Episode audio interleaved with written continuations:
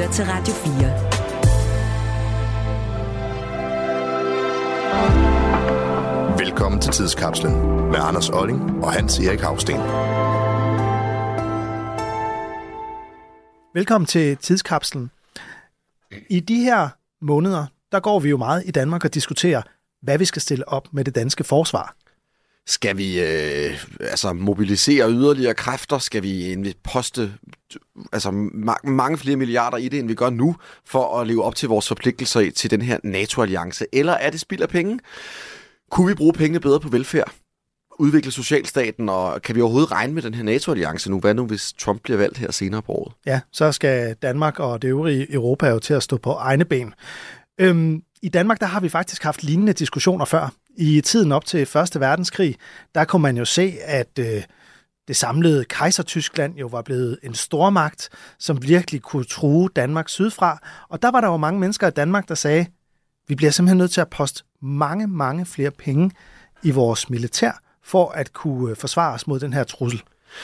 Og øh, det var der jo mange øh, forskellige interesseaktører eller interessenter, der deltog i den her debat. Og der var for eksempel øh, et ganske interessant optrin i Folketinget, så i 1909, 20. august, øh, som øh, fik meget, meget stor, øh, eller tiltrak sig meget stor opmærksomhed. Ja, øh, 19. august var det faktisk, at det her optrin skete i Folketinget. Og det er historikeren Anne Viksø, der har beskæftiget sig indgående med den her sag.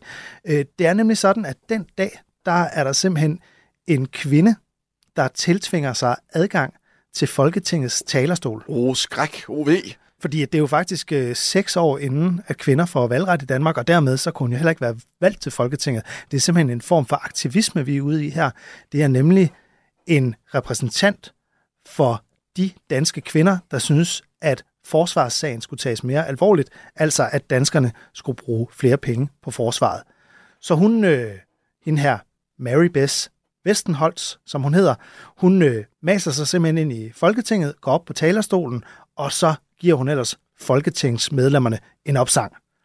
Her sidder I danske mænd og købslår og chakrer i magtbrønde og ennytte om landets ved og vel, men det skal siges fra dette sted, altså Folketingets talerstol, at Danmarks kvinder foragter eder som en håb fæderlandsløse lejesvende og brændemærker eder, der forråder Danmarks ære. Og jeg synes jo, det er interessant. Det her det er simpelthen en kvindesagsforkæmper, der taler. Og det er jo ikke lige frem, fordi jeg i dag vil forbinde kvindesagen med øh, sådan øh, bramfri tale på vegne af Danmarks øh, forsvarspolitik, eller at forsvarsbudgetterne skal øges. Nej, men det er fordi, at der jo faktisk også, og det passer måske ikke ind i den der øh, feministiske fortælling, der har været, der var jo også mange konservative kvinder, som også gerne ville høres i politiske spørgsmål. Og den her forening, som Mary øh, Bess Vestenholz taler på vegne af, det er jo af Danske Kvinders Forsvarsforening. Og det var i 1909 simpelthen den allerstørste kvindeforening herhjemme med 50.000 medlemmer. Ja, og det vil sige, at Danske Kvinders Forsvarsforening, som i dag er et fuldstændig ukendt fænomen, jo faktisk havde flere medlemmer end Dansk Kvindesamfund, som jo nok i dag må sige sig, også historisk set, at have været en noget mere toneangivende organisation. Og det er jo fordi, at den her forsvarssag øh, jo i høj grad har var, var, eller er stadigvæk, men jo i endnu højere grad for over 100 år siden, var mændenes domæne. Det var mændene, der kæmpede hæren. Øh, det var mændene, der sad og besluttede sig for, hvor store forsvarsbudgetterne skulle være, og hvor man skulle investere i forsvaret henne. Og hvis kvinder kunne tiltvinge sig adgang til det her domæne, så var man jo virkelig kommet ind på det, man havde anset for tid, hidtil at, at, at, at høre udelukkende til mandens område. Der var også de her sager, hvor kvinder jo donerede gennem indsamlinger kanoner til det danske forsvar. Til den her store befæstningsring øh, omkring København, som ligesom skulle øh, afskrække øh, tyskerne fra at invadere i tilfælde af krig.